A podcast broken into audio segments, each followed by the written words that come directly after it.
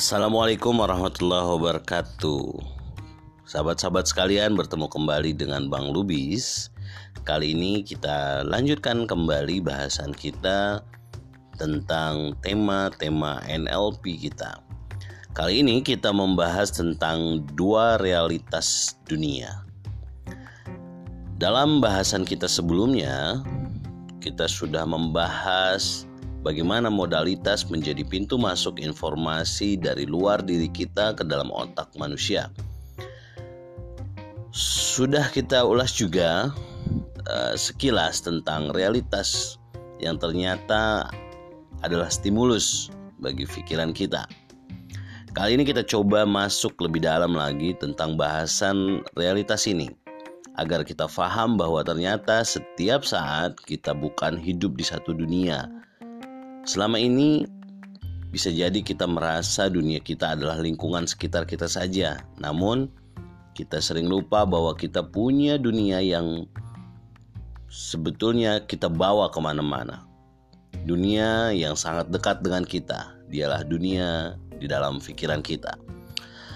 Sahabat sekalian, untuk memudahkan kita mengenali dua dunia kita ini, di NLP kita dikenalkan dengan istilah realitas eksternal dan satu lagi ada realitas internal.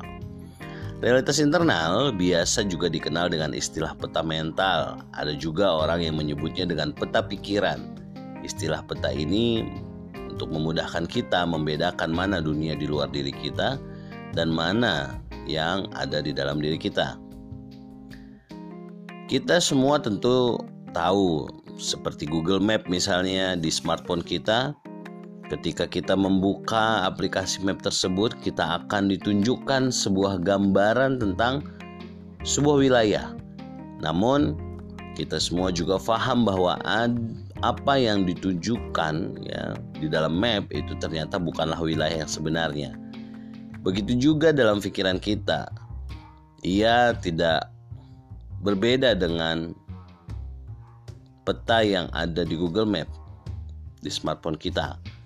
Apa yang ada di realitas internal kita bukanlah realitas eksternal.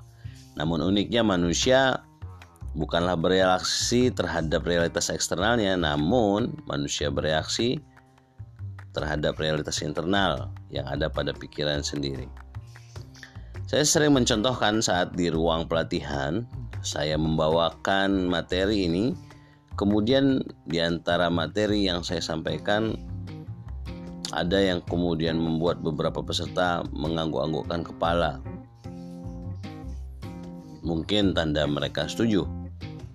Saya kemudian mengatakan kepada peserta bahwa mereka mengangguk-anggukkan kepala itu bukan sedang mengangguk-angguk pada apa yang mereka dengar dari saya apa yang saya sampaikan.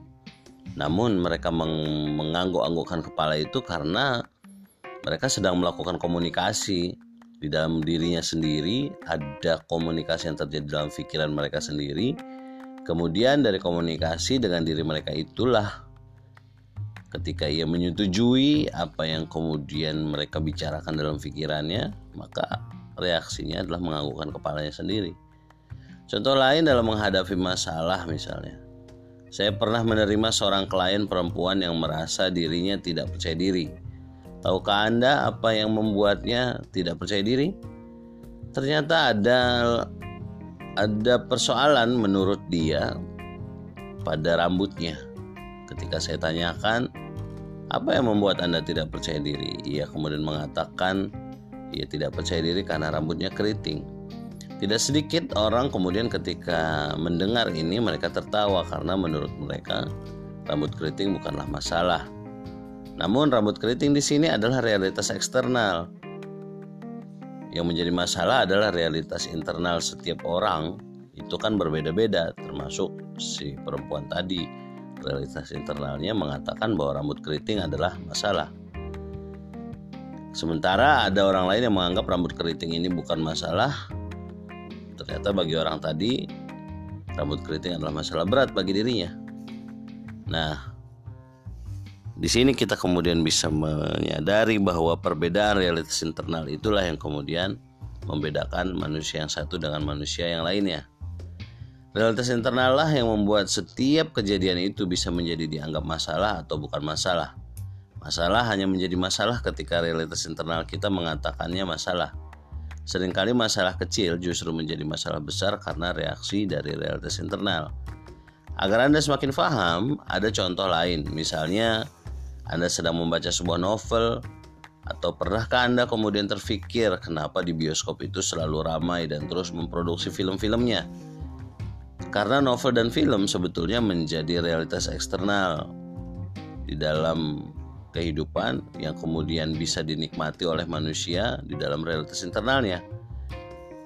Setiap kali kita membaca novel sebetulnya atau menonton film yang membuat kita asik dan hanyut dalam alur ceritanya adalah karena kita sibuk merespon semua yang terjadi dalam realitas internal kita.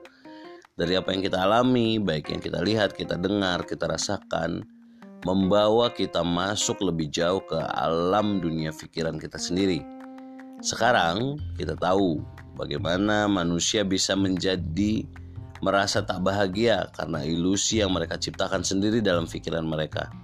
Setiap orang menciptakan realitas internalnya sendiri. Bahagia atau tidak adalah tergantung bagaimana manusia mengelola realitas internalnya. Dalam NLP, kita belajar bagaimana mengelola realitas internal ini, bagaimana menjadikan setiap pengalaman kita menjadi guru terbaik dalam hidup kita, belajar menemukan pemahaman yang memberdayakan, ide yang memberdayakan, bahkan tindakan yang memberdayakan.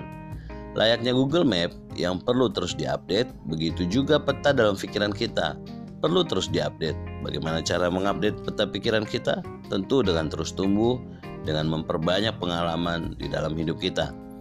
Mengalami ini bukan harus empiris yang betul-betul harus terjadi dalam hidup kita.